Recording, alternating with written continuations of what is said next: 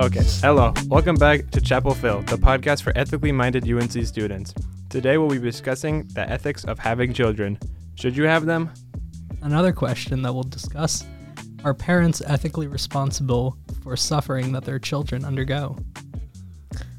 Guys, another question I have is what's the correct balance between being climate conscious while still reproducing at a rate to ensure the survival of humans? All sorts of really good questions.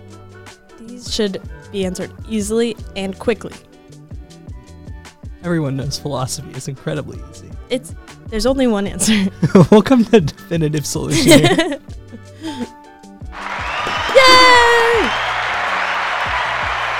That's our live in studio audience.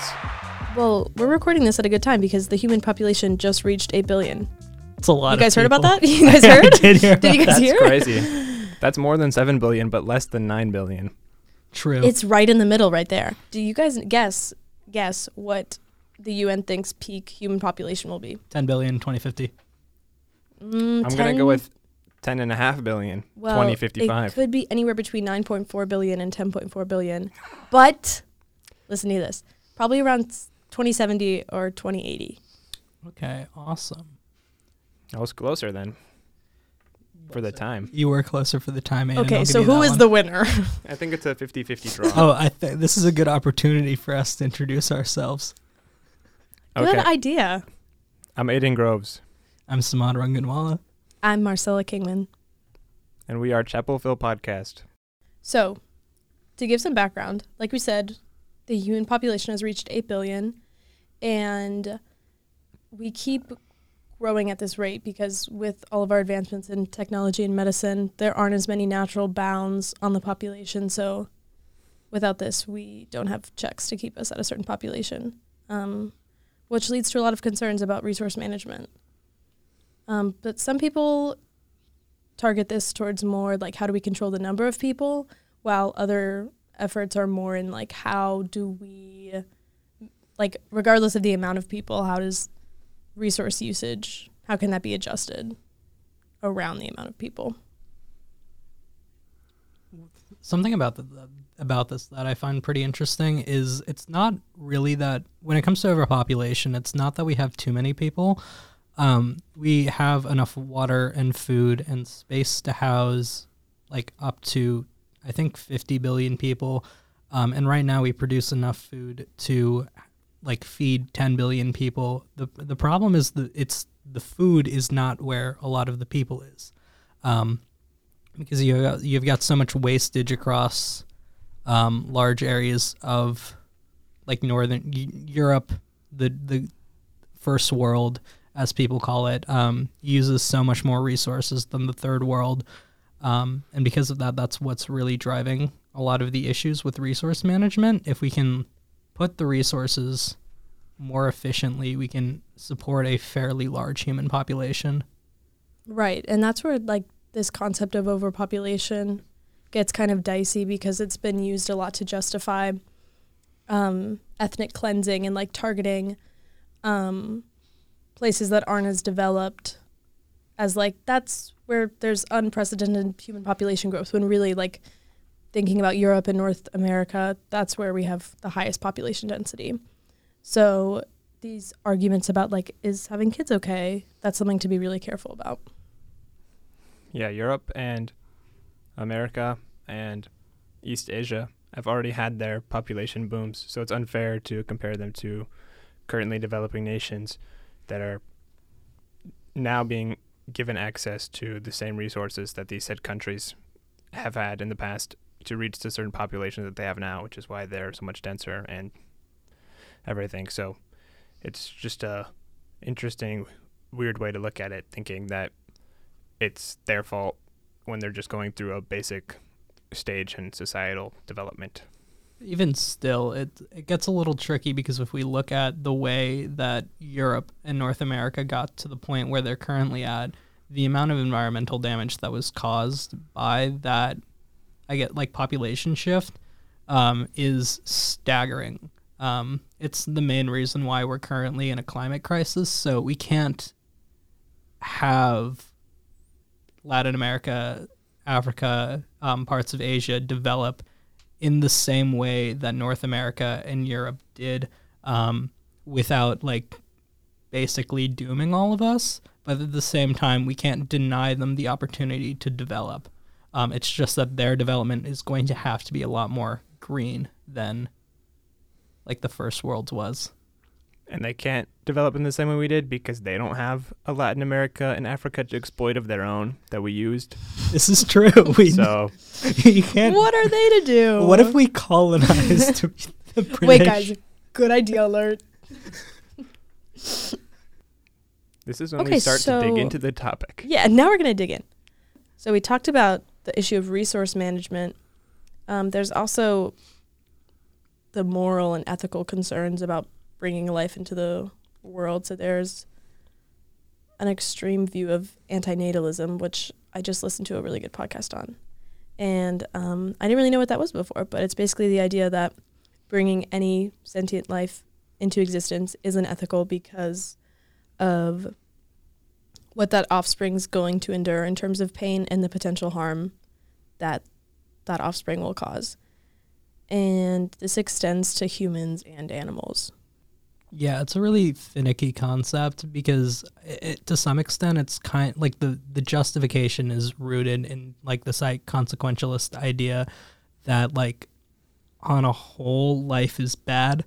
Um you know, like Hobbes and mankind is nasty, brutish and sh- short and all that kind of stuff. And it's like, eh, do you really know that on the whole human existence is like a net bad?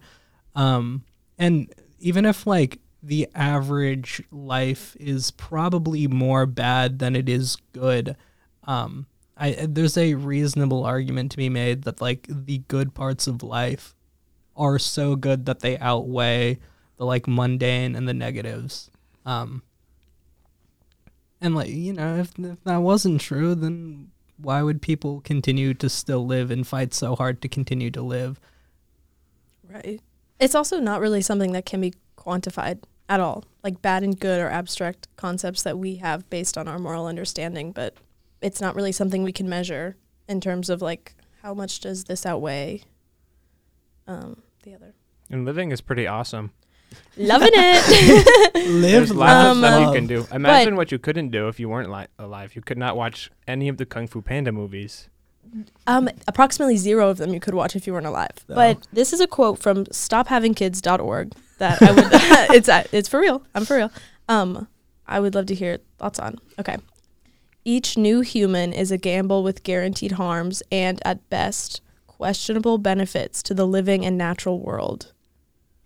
What do you guys think of that? damn that's crazy. It's it's scary. like i think this what what this gets into is the idea that like is humankind good like as a whole as our presence on this planet a good thing? Um and there's a lot of arguments like from an environmental perspective where that is very clearly not.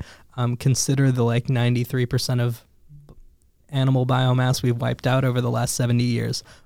But- but but I would like take the extinction of 90% of animals like if it meant that mankind continued existing just because like human consciousness is a pretty unique thing assuming it's real. We don't actually know that.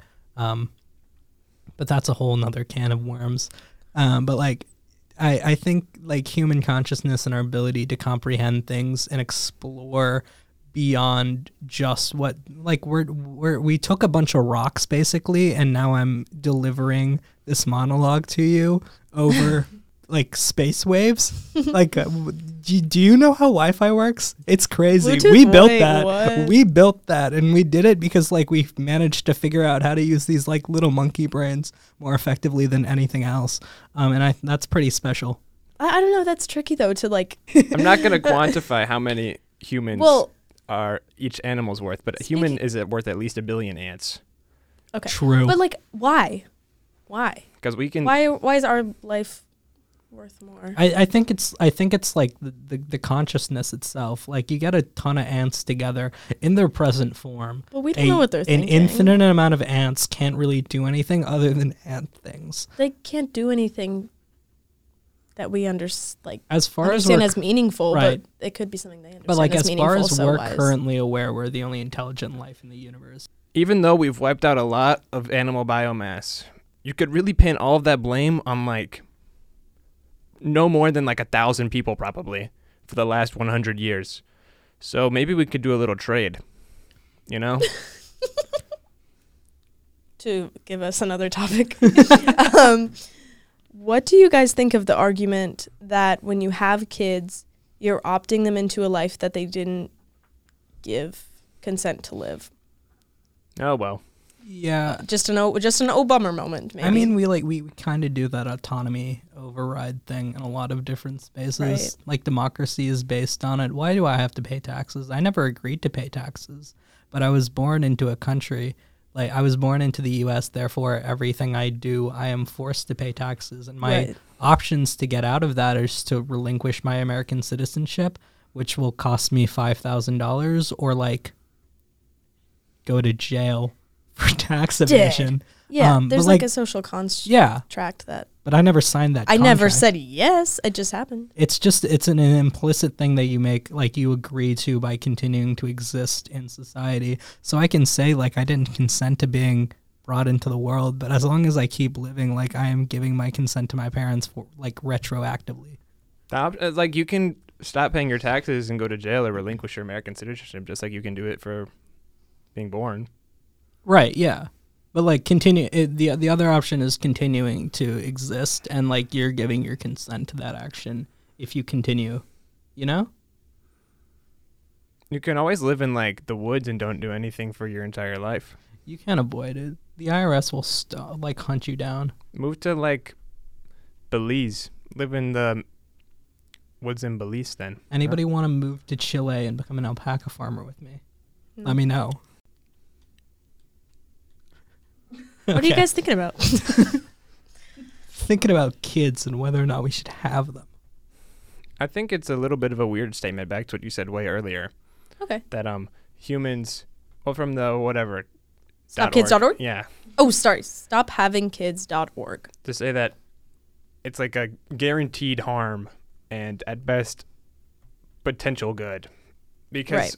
that's how everything works. yeah. And it's like, do does our existence have to help something? Why can't it just be to exist and to enjoy life? And yeah, does I guess existing is suffering if you think about it. I guess long for all enough. you emo shotties. but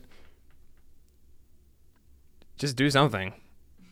And okay, so Aiden's Wise advice on this one is just do something. Hey, just get up. if you get a if you're job. born and you're worried about people being born and then that causing a net negative just be a net positive just have if people just be net positives then everything's fine Yes. So, but I think their argument is like, we're never going to get to a point where everyone agrees on that and everyone has the same views about what a net positive is. I mean, like, oh well, boo hoo. I'm sorry. I I don't really have much sympathy for this argument. Um, I think it's like m- you can continue to say that human, like everyone's life, you can say that life is net suffering, um, but like again that uh, that it's asking you to make a calculus about something that you have no real information about because you don't know what that child's life is going to end up being. It could be really bad, like like really bad. Um, or it could be the best life that anyone has ever had or will ever have. Um, so and like the, you can make you can make a probabilistic decision. Um, and maybe there's certain situations in which you're like, yeah, this life will probably be negative, so I don't want to um may I don't want that to be visited upon this child, but to say on a whole everybody should be making that decision, I think is really stupid. Like let people make Yeah. an individual decision for themselves about what they think that child's life will be. Right. don't let the government do anything about having children Okay. Um, but the point of reproductive rights is really important because this and antinatalism easily goes to um, a place of wanting to control everyone's decision on having kids. And parenthood is something that a lot of people value and seek out and even see as their purpose in living. And that's not something that should be denied ever so. So just don't let the government do that.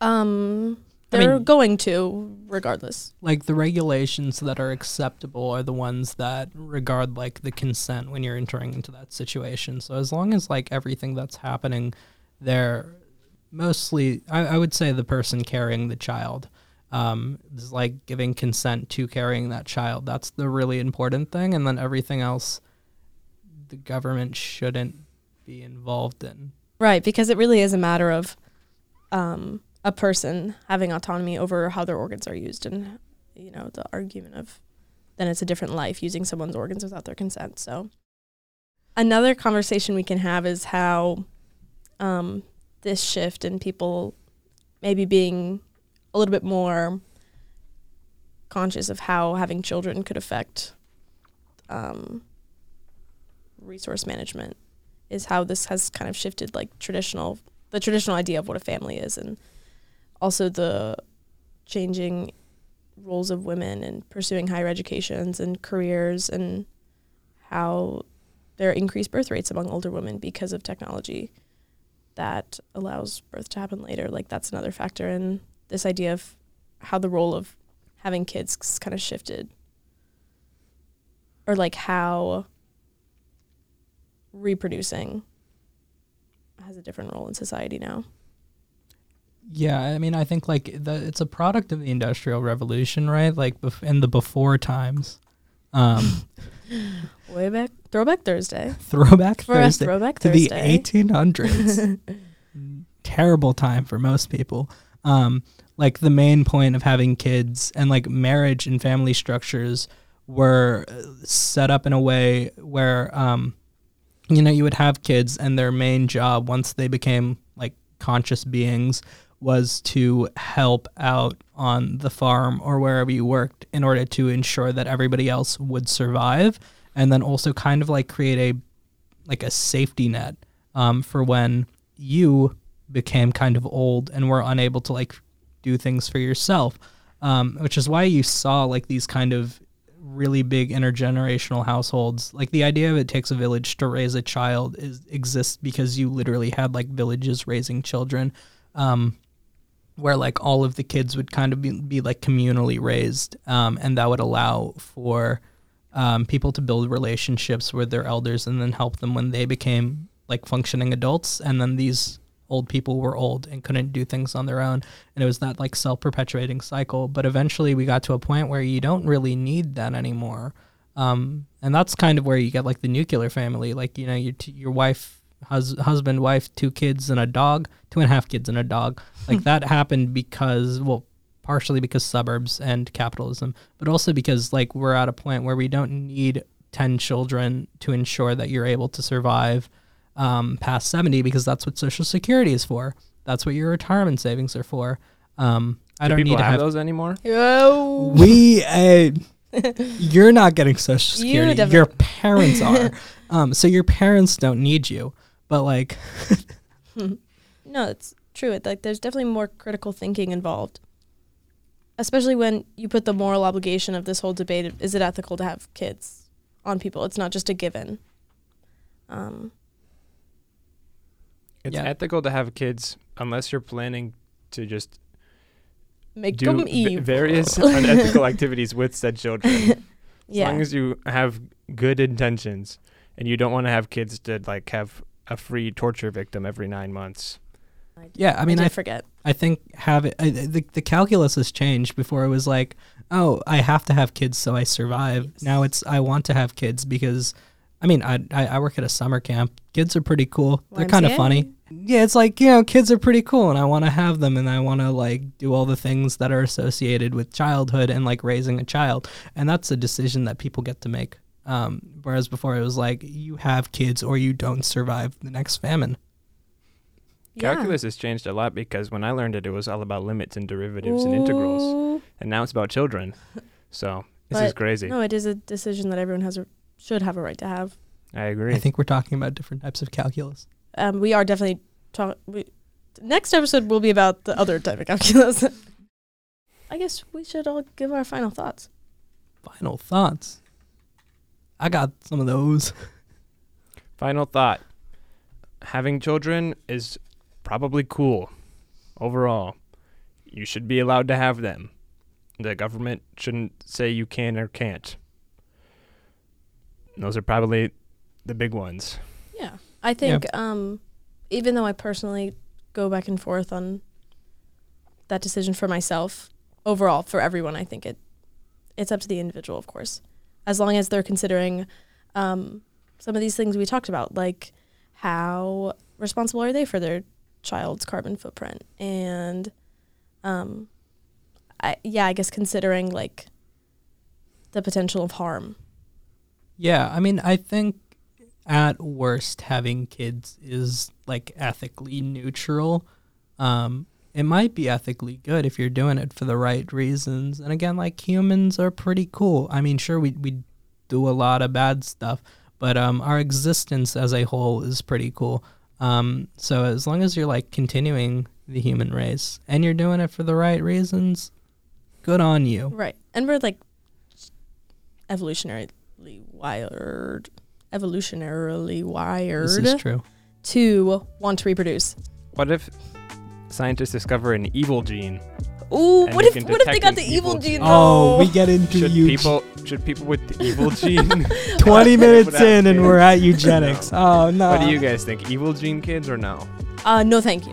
I'm gonna say no. I'm gonna say no on that one.